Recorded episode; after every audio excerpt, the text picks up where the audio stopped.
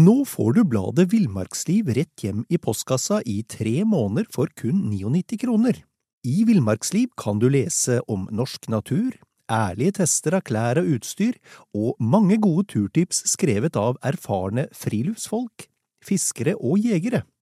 Send SMS VILL36 til 2205 og motta bladet allerede neste uke. Lev livet villere med bladet Villmarksliv.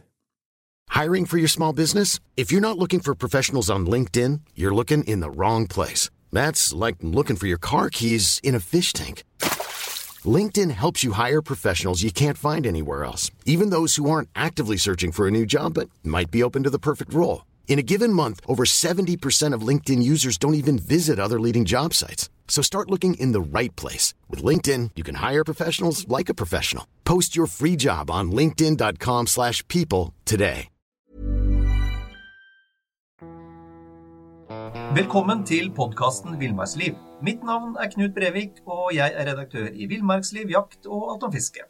Og mitt navn er Dag Kjelsås. Eh, Knut, i likhet med deg, og ikke minst han vi har på tråden nå, så har vi vært ute noen netter og opplevd litt forskjellig hver vinterstid, for det er jo det vi skal snakke om. Ja, vi, nok, vi er nok ikke i nærheten av Jo Gunnar Ellevold, eh, for det er nemlig han vi skal snakke med i dag. Han eh, han har vært sjef for Forsvarets vinterskole, er, er skredekspert. Eh, og, og, i 2012 så kunne han loggføre 1000 netter ute.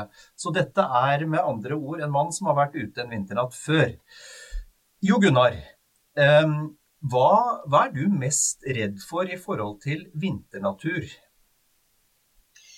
Det er vel faktisk eh, akkurat det du nevnte nå, nemlig å bli tatt av snøskred. Og så tror jeg det er en god nummer to å gå gjennom elveis på en, en større elv. Eh, bortsett fra det så er det vel ingenting som jeg er redd for under vinterforhold. Uh, og jeg kan jo si at jeg har vel opplevd og prøvd ganske mye forskjellig, i hvert fall når det gjelder vær, uvær og, og ikke kunne se noen ting rundt seg. Ja, jeg kjenner deg litt, Jo Gunnar. Og jeg tror nok at hvis jeg skal nevne en liste over de som er lite redd, så kommer du på topp. ja, takk for det.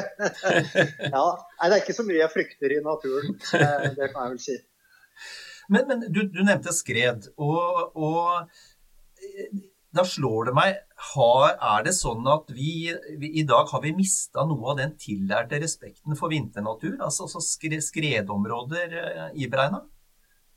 Altså, I forhold til det med snøskred, så tror jeg at vi har jo stadig nå fått bedre utstyr. Da tenker jeg på skiutstyr.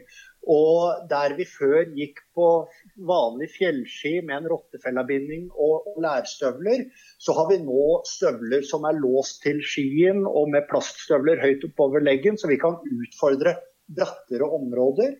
Og, og, det gjør på en måte at vi eksponerer oss også for skredutsatt terreng i en uh, større grad enn tidligere. Mm. Og når man eksponerer seg for det, så statistisk sett så vil da fra tid til annen så vil man da utløse skred, dessverre. Og det, det er en Skred kan ofte være en dødsfelle.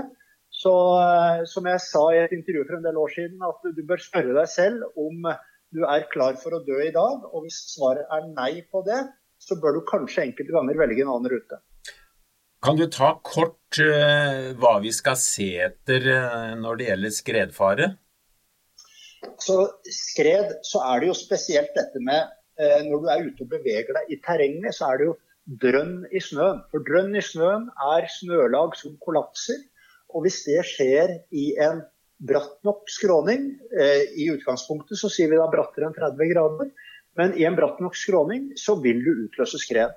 Og så er det klart at etter kraftig snøfall, etter eh, mye vind, og gjerne ved temperaturstigninger akkurat som passerer null grader, så skal man være ekstra på vakt. Mm. Mm.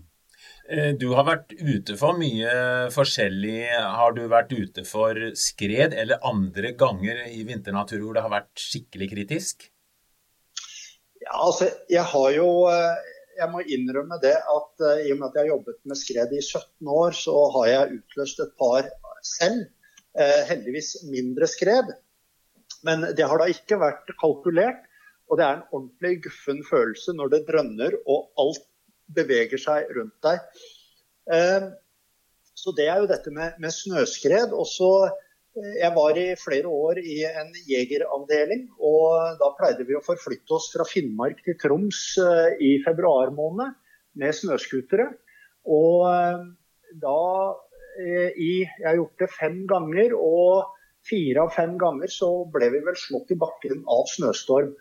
Eh, og vi har vel da opplevd situasjoner hvor vi har eh, mangla folk eller ikke hatt kontroll på alle. Eh, men pga. den overlevelsestreninga og det å være forberedt, så har det gjort at de soldatene har klart seg. Mm. Jo Gunnar, bare for å komme litt tilbake til det med mm. skred. Hvis, hvis så galt skulle det være, og det er jo, det er jo en del skiløpere som, som, som bevisst oppsøker den type områder, for å stå ned på, for, for, for å stå på ski. Og da, og da, tenker jeg, hvis, hvis skredet skulle gå, er det, noen, er det noen grep du kan gjøre for å bedre overlevelsesmulighetene dine, eller er du da helt prisgitt uh, omstendighetene? Dessverre så er du ofte prisgitt omstendighetene. Men det er klart at kan du være heldig og klare å skli ut av området, altså på skrå ned mot kanten av skredområdet, så kan det være en fordel. Jeg har opplevd at beina mine ble låst mellom blokker i bevegelse, og da er du på en måte støkt. Eh, men før du blir dratt ned i snømassene, så anbefaler jeg å prøve å innta en, en fosterstilling. Og prøve å skape en lomme eller beskytte rundt ansikt, hode, munn. Eh, for det, det, er det kritiske. at man, Du må liksom ikke få eh, snøpartikler inn i nese og, og svelg som tetter. Akkurat. akkurat. Og, og hva, er, hva, er, oddsen hvis man skulle være så, så fatalt uheldig å, å, gå i et skred? Hva er oddsen for å klare seg? Altså, det er jo sånn at uh, Av de som blir fullstendig begravd, så uh, dør 25 før skredet stopper av mekaniske skader. Du blir rett og slett slått i hjel mot steiner eller trelegger. Så det er viktig å huske at om man da ser en sånn overlevelseskurve, så av de fullstendig begravde, så er 25 døde når skredet stopper. Mm. Og så er det sånn at da har du god, eh, gode muligheter, hvis du er så heldig at du er i live når det stopper, så har du gode muligheter til å klare deg i ca. 15 minutter. Eh, og det er da med den oksygenen du har i kroppen, og som du har nært inntil munnen din. Mm. Hvor, så, hvor, mye eh, betyr det da at du har en innstilling eh, som er, kall det positiv, da, eller at du psykisk er eh, på topp? I forhold til det som skjer? Ja, det, altså det, når du er fullstendig begravd vi, vi, har jo en venn av oss i dag som ble fullstendig begravd. og eh, Han var jo eh, veldig panisk når han lå der, selv om han eh, er en ordentlig tøffing. Så jeg, jeg, vet ikke hvor mye det har å si når du ligger der fullstendig begravd. Eh, men det er klart det er alltid en fordel å klare å ha hodet kaldt. Og det gjelder i alle overlevelsessituasjoner. Det viktigste i snøskred, det er jo faktisk at du unngår det skredfarlige området. Ja. Altså Det er på en måte det du kan gjøre i forkant. For det som skjer etter at du har løst ut skredet, det er litt uforutsigbart. Så det sikre her er å unngå skredfarlige områder. Ja. Men han vi snakker om, eh, som vi kjenner begge to, han, han var jo da tross alt etter hvert eh, på det nivået at han jobba hele tida. Han hadde positiv innstilling til at dette skal gå bra. Ja. For det er vel noen som eh, mer eller mindre bare tenker at ok, det var det livet. Ja da, og, og det er klart at det gjelder jo i alle vanskelige og krevende situasjoner.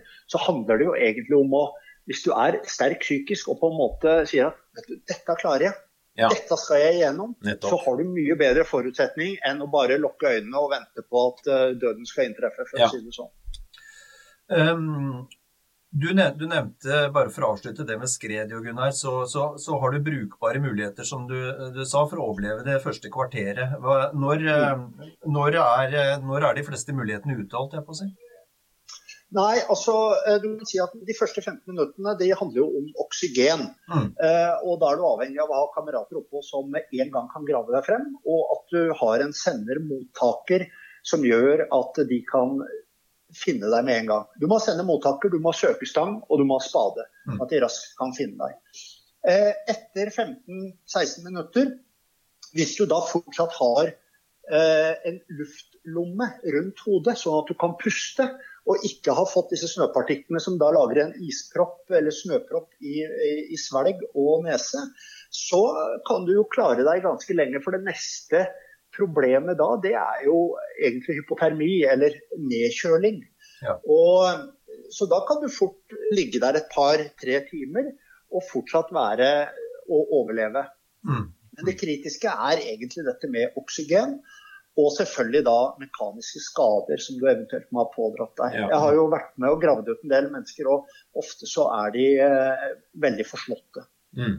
Akkurat.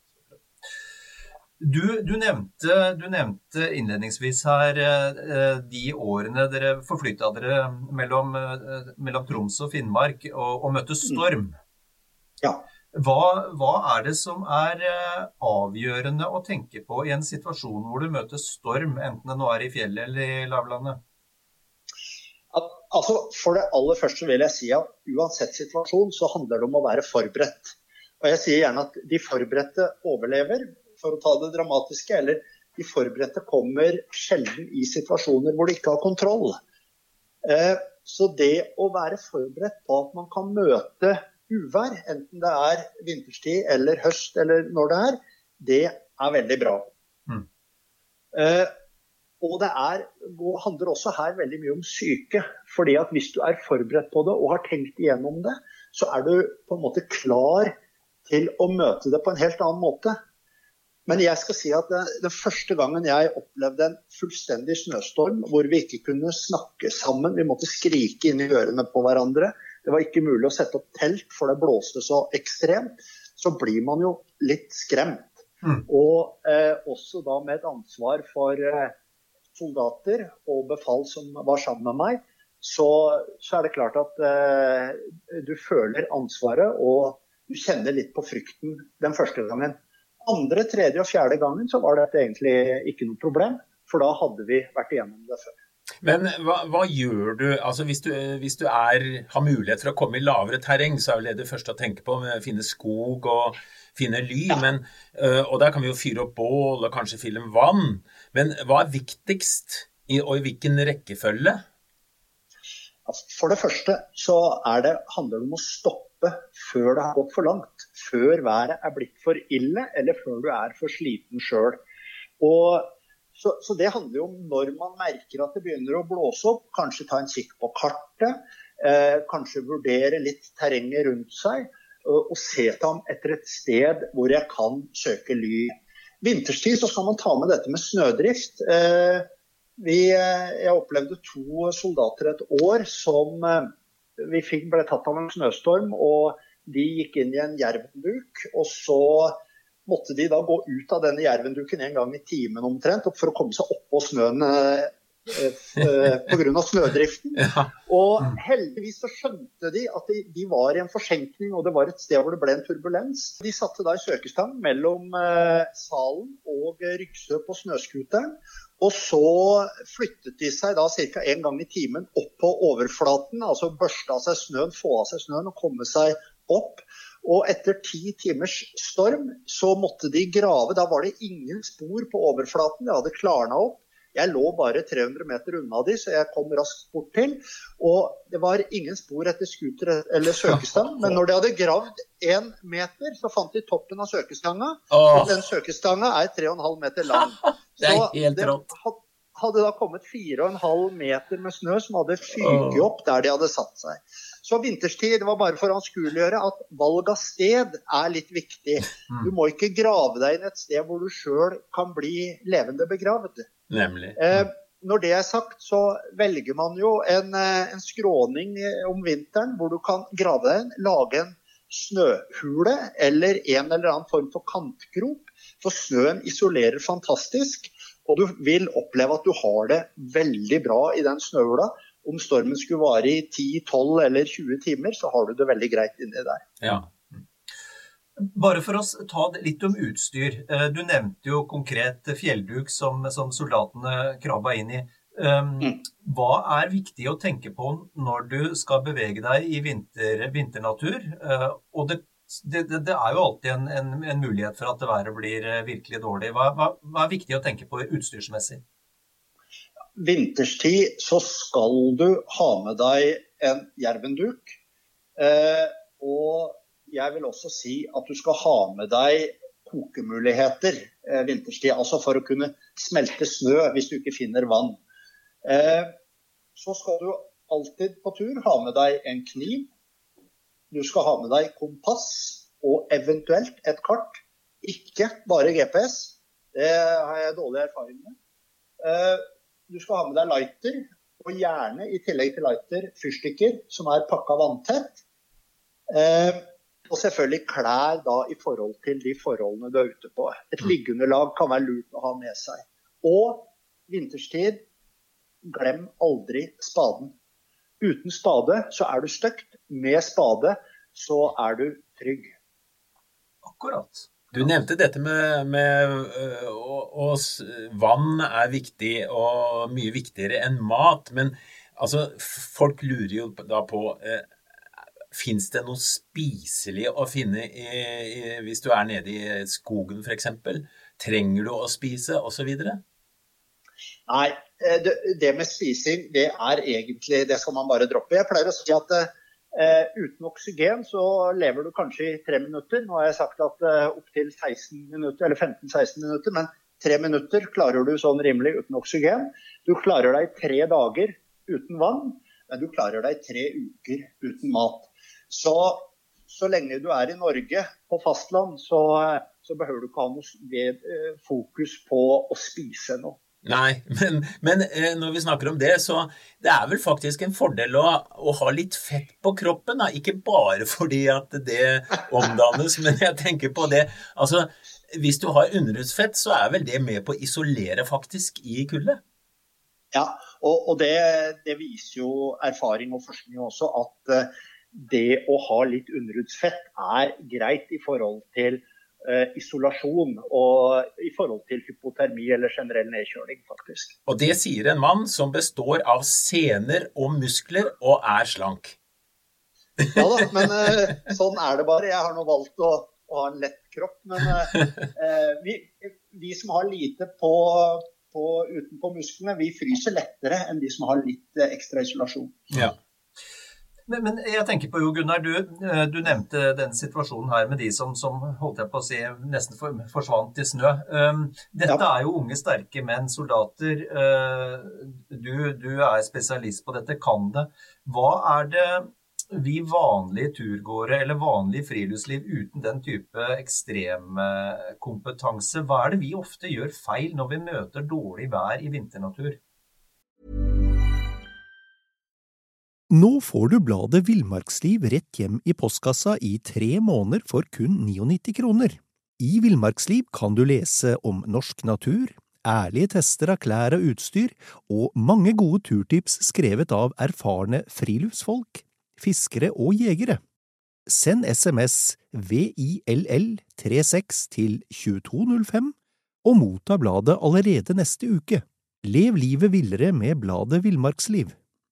I'm Sandra, and I'm just the professional your small business was looking for. But you didn't hire me because you didn't use LinkedIn jobs. LinkedIn has professionals you can't find anywhere else, including those who aren't actively looking for a new job but might be open to the perfect role, like me. In a given month, over 70% of LinkedIn users don't visit other leading job sites. So if you're not looking on LinkedIn, you'll miss out on great candidates like Sandra. Start hiring professionals like a professional. Post your free job on linkedin.com/people today. Vi, jeg tror det er helt naturlig at man, prøver, man presser seg for lenge. Man tenker at jeg skal bare gå, jeg skal klare å komme frem til den hytta. Nei, det man ofte gjør, da, det er at man, man skyver den beslutningen om å stanse, om å gå i en nødbivakk foran seg. Fordi man vil så gjerne nå frem til hytta som er varm, eh, hvor man har planlagt å gå. Og, og, jeg vil si at mange de kan med fordel stoppe tidligere. Eh, som sagt, grave seg inn i snøen. Og det tar, Jeg har trent en god del mennesker på dette, og fra du da sier go til folk er rigga inn i ei snøhule hvor de kan sitte i 10 eller 20 timer, så bruker folk en times tid. Eh, rundt 40 minutter tror jeg litt trent personell kommer inn til de da er helt dekt av snø og, og kan sitte der trygt til stormen har gitt seg. Ja. Det forutsetter at det ikke er skare der, da? det forutsetter at du har en god spade, ja. og at du enten har ei søkestang eller bruker skistaven din til å prodde sånn at det er dypt nok. Nemlig. For du må jo gjerne ha halvannen meter med snø du finner en liten leskråning uten at det da pakker seg opp fire og en 4,5 meter, som jeg fortalte om i, i stad. Mm. Um, men altså hvor det har lagt seg opp litt snø, sånn at du kan få gravd deg inn. Ja. Og så bruker du skia dine og staver og dekke til. Og så kan du huske på at du setter et eller annet ute. Ta én skistav som du setter på toppen med en, et merke i eller et eller annet, hvis det er noen som skulle være ute og lete etter deg. Og Da snakker du ikke om Birkebeinermerket? Nei? Nei, ikke Birkebeinermerket. Eh, det er veldig bra å ha det på CV-en, men eh, nei, gjerne en lightstick hvis du skulle ha det i sekken, ja. eller ei lue eller et eller annet. Ja, ja. Mm,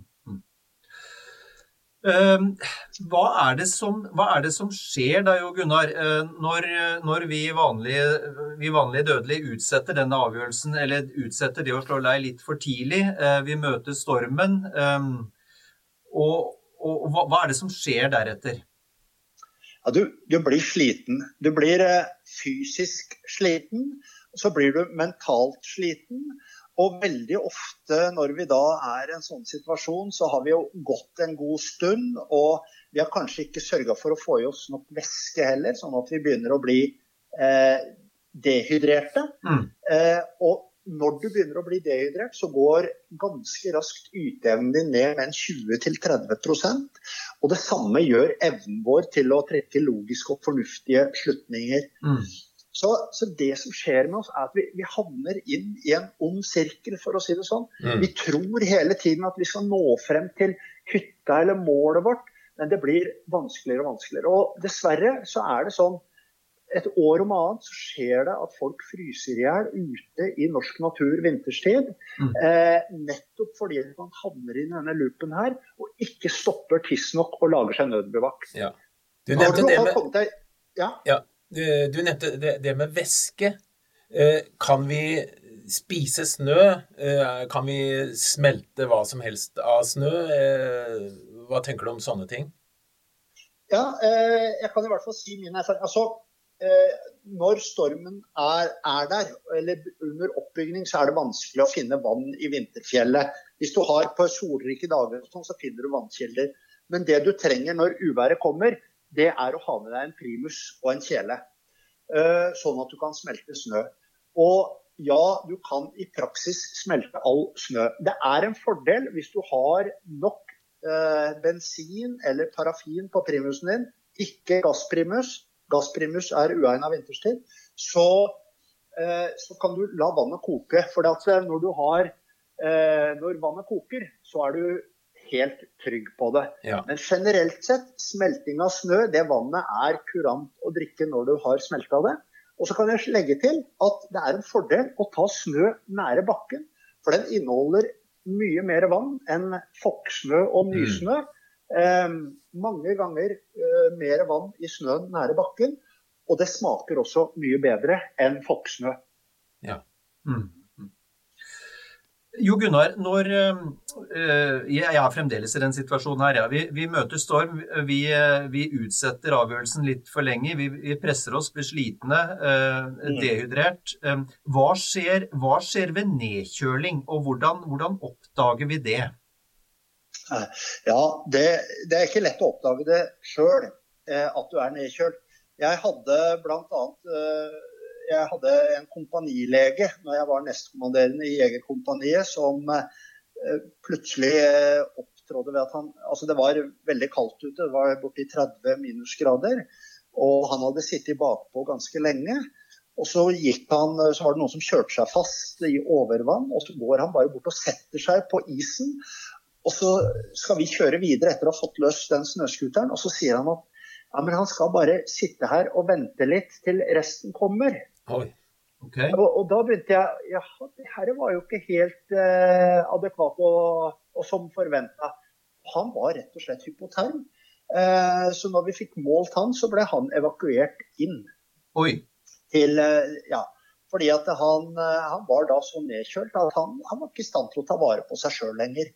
Eh, altså, Mennesket er sånn Så lenge du skjelver, eh, rister ordentlig, så er det på en måte kontroll. fordi at skjelverefleksen den har vi så lenge vi har en kroppstemperatur som er ja, 5-36 grader og varmere. Eh, så, og, og skjelving er jo kroppens måte til å produsere mer varme. Mm. Men når vi har slutta å skjelve, og når du begynner å bli apatisk og egentlig bare vil legge deg ned eller sette deg ned i snøen, da er det eh, at kameratene må ta tak i deg. Mm. Men det er ikke lett å oppdage det her sjøl, altså. Men vi skal se på hverandre og sjekke de andre, sier du? Ja. Øh, og snakke med Altså, det viktige er jo å sørge for at folk aktiviserer seg. At ingen blir sittende alene et sted eller sittende på sekken sin. For det, det er jo med fysisk arbeid at vi faktisk holder varmen vinterstid. Mm. Eh, den som sitter i ro, han blir bare kaldere og kaldere, uansett hvor mye klærne har på seg. Men ved fysisk arbeid, ved å grave den snøhula, så holder vi varmen.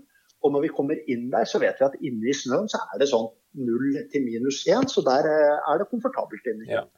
Ja, ja, for det er vel noe med det jo, Gunnar, at det er, det, er, det er, ved muskelarbeid. Det er musklene våre som skaper varmen. Og det er vel det skjelverefleksen også er et uttrykk for?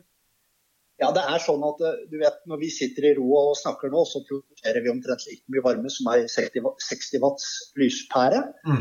Eh, og bare som en digresjon, hvorfor man da fryser på beina, så produserer føttene våre ca. 0,25 watt, så det er ingenting. Derfor må man ha noe tjukt på beina.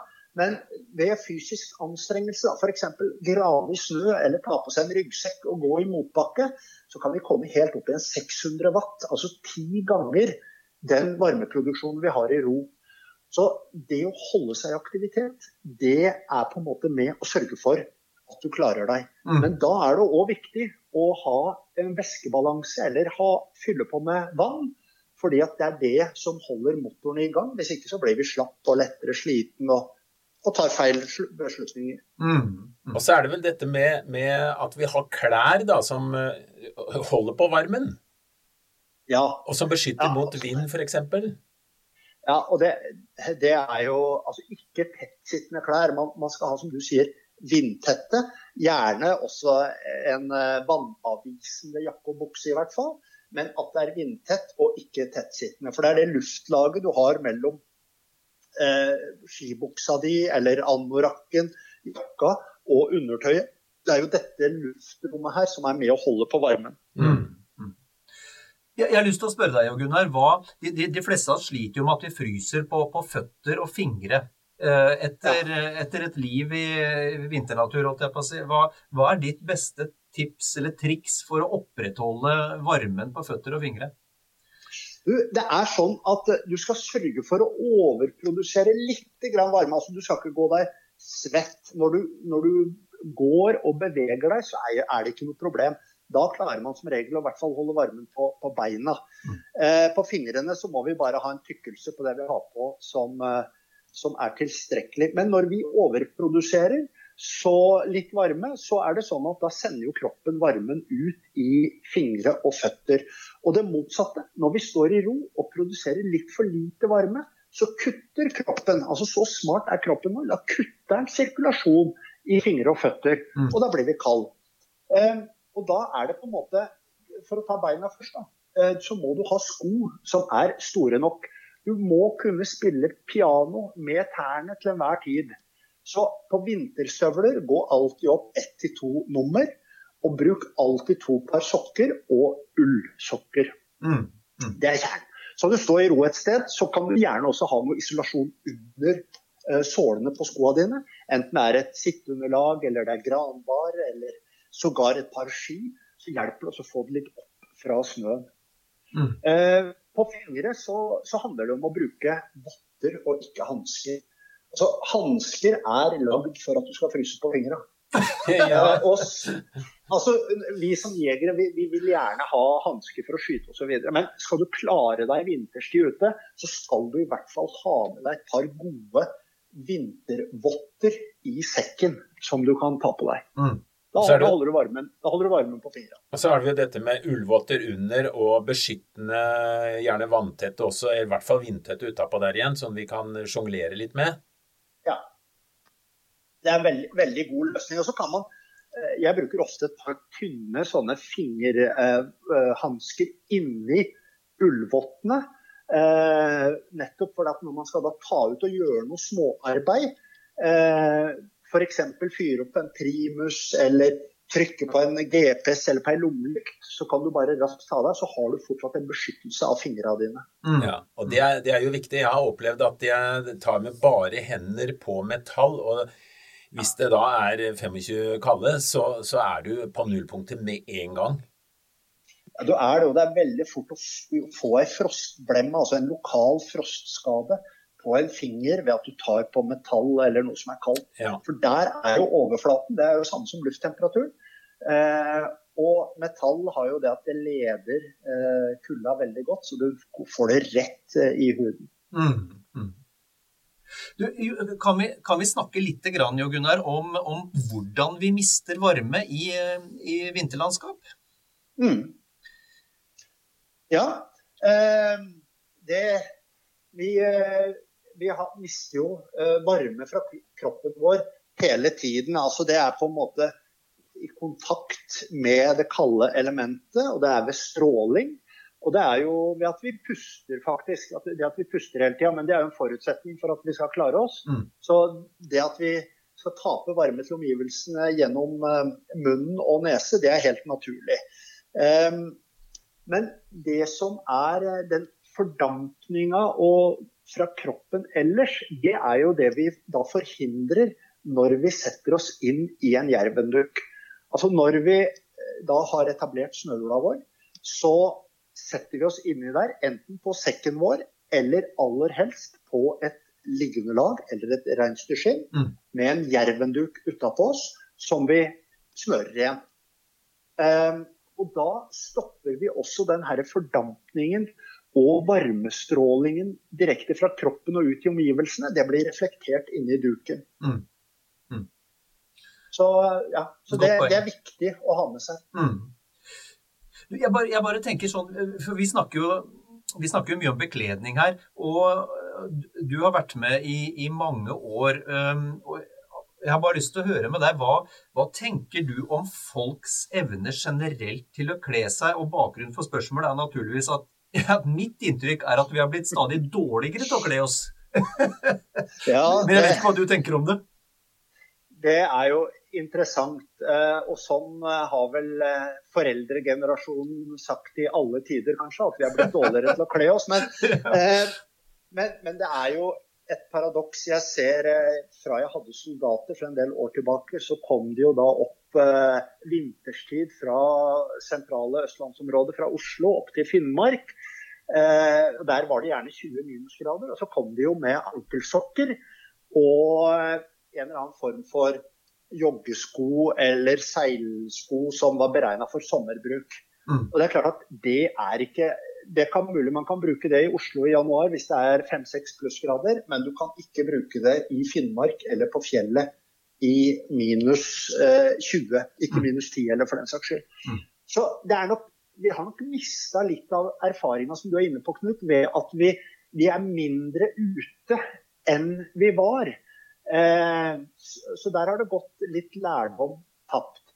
Og da vil jeg igjen si at eh, der bør man lytte til erfarne fjellfolk når man skal ut på tur. Mm. Og det å ha godt ullundertøy, det å ha litt store klær, litt store sko, Altså Klærne skal ikke være så store at de slår, at det blir liksom sirkulasjon inni klærne, men det må være plass til luft der. Mm. Og at man bruker eh, ullundertøy, det er utrolig viktig, altså. Mm. Mm. Ja, Det kan vel ikke gjentas ofte nok at ull har en evne til å holde på en viss eh, mengde varme også i, når, når den er fuktig, i motsetning da til kunstfiber? Ja, det er, jo helt riktig som du sier at ull og det ull tåler også ta til seg en del fuktighet og fortsatt isolerer. Eh, det, det, verste eksempelet er jo egentlig dunjakker og dunjakker som blir våte. altså at Man tar, man tar gjerne en sånn dunjakke under ei skalljakke, og disse skalljakkene de er jo begrensa hvor mye de puster.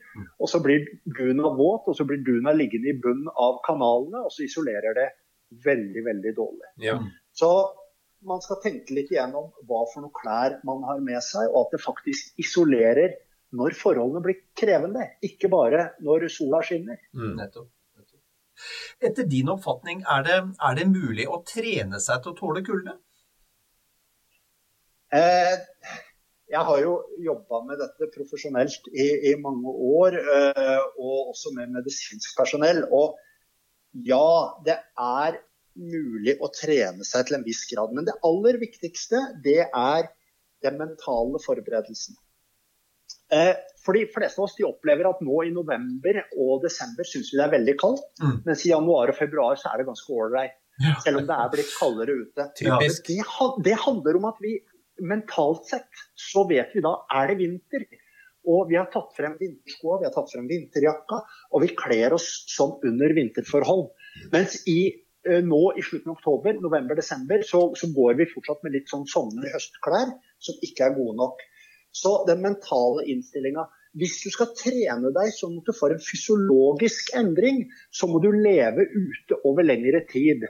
Mm. Og Tidligere sjef for Forsvarets sanitet, Nils Fagerhaug, han sa at du måtte da i praksis leve ute i én til to måneder eh, før, du, før, man kunne se en endring i stoffskiftet, altså i metabolismen. Eh, men det vi også vet, er jo at fiskere, eller folk som jobber mye barneva ute og Jeg sjøl opplevde det, kanskje dere også, når man har fiska mye vinterstid og vært mye ute, så tåler fingra dine mer i forhold til eh, bevegelighet før de blir stive. Mm. Mm. Det eneste som er viktig å huske på med fingre, er at man skal beskytte dem, fordi at eh, man får veldig lett de tørker ut og sprekker opp og sånn hvis man er mye barhendt vinterstid. Men det å jobbe litt med nå sier jeg mot meg selv, men det å jobbe litt med fingerhansker, mm. eh, det kan gjøre at du klarer det lenger senere på året. Mm. Så sant du har et par tjukke votter å ta på når det da blir kaldt nok. Mm. Men det er, ingen, eh, det er, det er, noen som tror at man skal gå og fryse for å herde seg. Ja. Det er helt misforstått. Fullstendig. Har ingenting med virkeligheten å, å gjøre. Nei. Så Knut skal slutte å gå i kortbukse på vinteren, som har oss du gjør? ja, det, i hvert fall hvis det er for å herde seg. Hvis det er bare for å synes det er behagelig, så er det greit.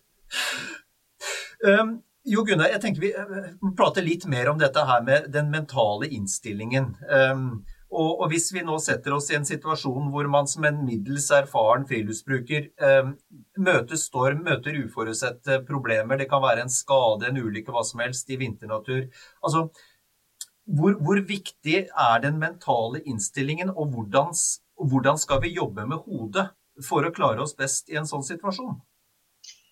Ja, jeg vil si at det beste i forhold til det mentale her, det er det du har gjort før du havner i situasjonen. Ja igjen, som jeg sa, det er formrette overlever. Mm. Og det er når du har tenkt igjennom hva som kan skje. Mm. Altså, vi kalte det sånn worst case scenario. Hva er det verste som kan skje meg? Mm. Uh, ja, åpent uh, leggbeinsbrudd i fjellet. Ok, hvordan håndterer jeg det? Jo, da må du ha noe for å forbinde såret med. Mm. Du, og, så videre, og du vil gjerne ha med deg kommunikasjonsutrustning. Og så trenger du noe for å holde på varmen.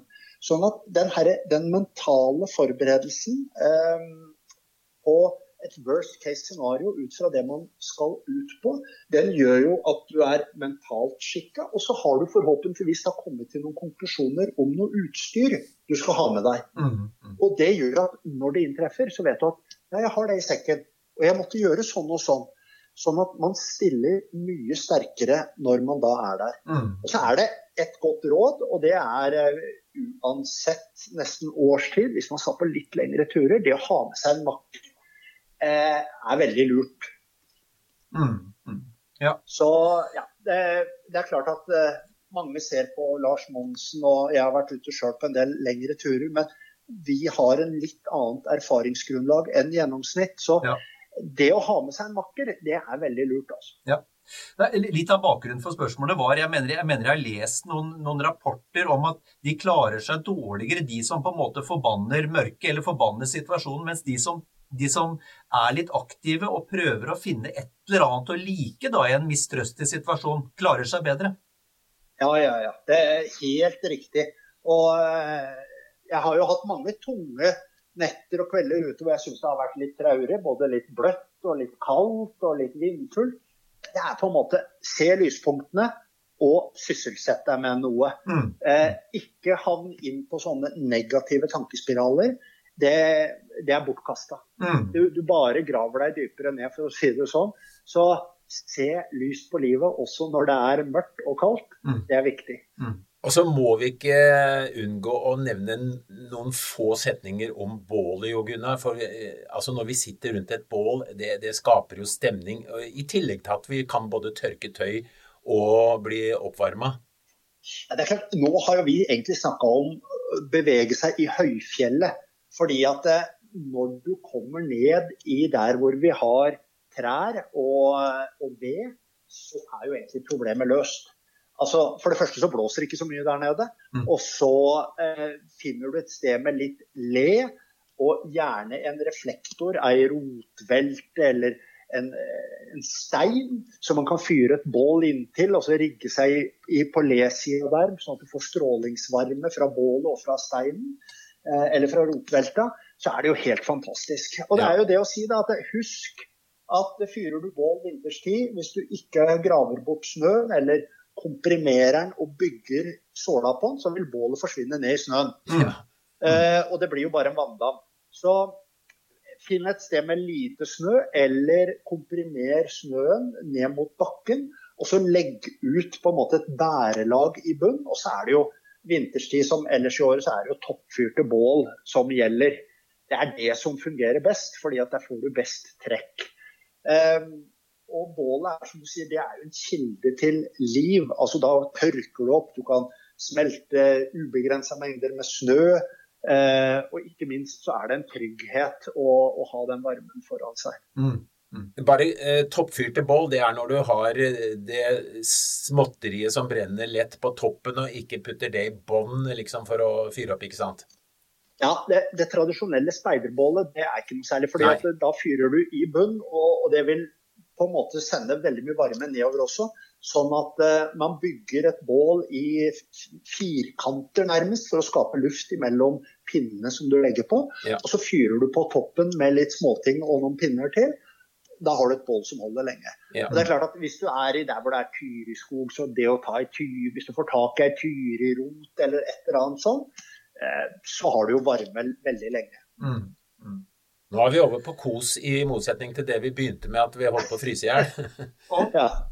jeg, jeg, jeg, er jo sånn uh, worst case drinker, jeg som det heter. Så, så, men du nevnte innledningsvis Jo Gunnar, så nevnte du dette med is som en av de, en av de farene eller utfordringene du så ved, ved, ved vinternatur. Kan du si litt om dette med is uh, og, mm. og, og, ferde, og, det å ferdes på is vinterstid? For det første, da, da holder vi oss til ferskvann. og og gjerne vann i høyereliggende områder hvor det er stabile vinterforhold.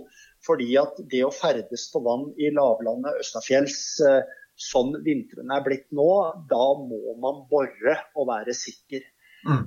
I fjellet i Norge vinterstid, i hvert fall når vi, isen har lagt seg godt og er blitt uh, greie forhold, så er isen på stille vann den er stort sett stabil. Med unntak av regulerte vann. De holder vi oss unna. For detter du gjennom isen på et regulert vann, så kan det fort være både én og to og 3 meter fra is og ned til vannspeilet. Og du kommer aldri opp igjen. Eh, en kollega av meg han ramla gjennom ei beltevogn på et regulert vann. Eh, han kunne da klatre opp på taket, og når han da sto på taket, så hoppa han opp på isen. Eh, det kosta han en del eh, å betale til kameratene i form av latterliggjøring osv. i ettertid. For dette måtte jo løftes opp med helikopter. med Uff. Uff, uff. nei, så Regulert vann holder oss unna. Men ja. fjellvann generelt sett er greit å gå på når vinteren er stabil og har vedvart en stund. Mm. Det er ett unntak der, og det er hvis vi, hvis vi nå i november måned i et fjellområde eh, etter bare å ha hatt et par netter med kuldegrader for stort snøfall, så vil den snøen isoleres sånn at isen bygger seg ikke opp sånn som vi normalt sett opplever. Men det er sjelden at det er et problem. Mm. Det jeg alltid er, eh, tar hensyn til, det er elveis, som jeg sa. Fordi at der hvor det er rennende vann, så er det ikke mulig å fastslå at isen er trygg å gå over. Det eneste du kan gå på, er hvis det er tjukke snøbruer som det har bygd seg skare på. Altså at det har lagt seg opp mye vindtransportert snø med skare, så kan du gå på det. Eh, men detter du gjennom elvis der hvor det er strøm, og det er dybde mer enn 50 cm, så vil du oppleve at beina blir slått vekk fra deg, og du forsvinner under isen. Og da har du heller ingen sjanse til å komme opp igjen. Mm. mm. Kan du bekrefte at hvis du, hvis du, da faktisk flyter med elva nedover, så er de lyse partiene det er der det er is, altså hvis det er dag, da. Uh, og hvis du ser noen mørke partier, så er det der du skal prøve å komme opp, for der er det høl. Ja, jeg har, jeg har, hørt om det her i dag, og jeg vet at noen har klart seg under, men jeg har ikke prøvd det. Jeg, så, uh, jeg kjenner en som har gjort det, skjønner du. Ja, jeg også. Det er samme person. ja, ok. Så eh, jeg har hørt, eh, jeg har hørt det. Mm. Uh, nei, så elver, rennende vann, altså der hvor det er såpass vannføring at man kan bli tatt, det skal man ha veldig respekt for. Mm. Uh, ja, Det gambler jeg ikke med, og det er som sagt uh, veldig veldig vanskelig å forutse. Ja. Um, jeg, jeg, kan legge inn, da. Jeg, jeg bare det var eh, en vinter vi drev og eh, skrev nye bestemmelser for kryssing av is i Forsvaret. Da tok vi vannprøver fra, eller isprøver fra 180 forskjellige vann. Vi var rundt og bora og så på variasjoner i isdekket. Og Hvis man ser bort fra elve innløp, elve utos, mellom altså trange sund osv., så, videre, så er isen ganske eh, jevnt tykk på vannet. Den er ofte dårligst nærmest land, og så er den eh, tykkere utover. Variasjonen er som regel innenfor 10% av tykkelsen. Mm. Mm. Um, dette er fantastisk uh, spennende å prate med deg om, Jo Gunnar. Hvis man skal prøve å oppsummere litt, så har jeg forstått det riktig hvis, eh, hvis det, uh, sånn som jeg har hørt deg, det, det, det viktige er å, å, bruke hodet og forberede seg både, både, mentalt på hva som kan skje, og ikke minst utstyrsmessig, altså før du begynner å begi deg ut. Ja, det, det er helt riktig. Det er full tilslutning til det. Også i tillegg holde seg unna skredfarlig område mm. og elvis. Mm. Da, da, vil du klare deg bra. Mm. mm.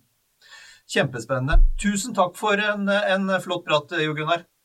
Jo, veldig hyggelig. Takk for at jeg fikk være med.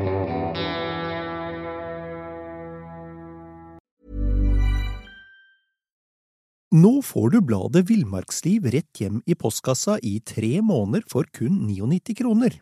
I Villmarksliv kan du lese om norsk natur, ærlige tester av klær og utstyr, og mange gode turtips skrevet av erfarne friluftsfolk, fiskere og jegere. Send SMS VILL36 til 2205 og motta bladet allerede neste uke. Lev livet villere med bladet Villmarksliv. Selling a little or a lot? Shopify helps you do your thing however you cha-ching. Shopify is the global commerce platform that helps you sell at every stage of your business. From the launch your online shop stage to the first real life store stage, all the way to the did we just hit a million orders stage. Shopify is there to help you grow. Shopify helps you turn browsers into buyers with the internet's best converting checkout. 36% better on average compared to other leading commerce platforms because businesses that grow grow with Shopify. Get a $1 per month trial period at shopify.com/work. shopify.com/work. Even when we're on a budget, we still deserve nice things. Quince is a place to scoop up stunning high-end goods for 50 to 80% less than similar brands. They have buttery soft cashmere sweaters starting at $50, luxurious Italian leather bags, and so much more. Plus, Quince only works with factories that use safe, ethical, and responsible manufacturing. Get the high-end goods you'll love without the high price tag with Quince. Go to quince.com slash style for free shipping and 365-day returns.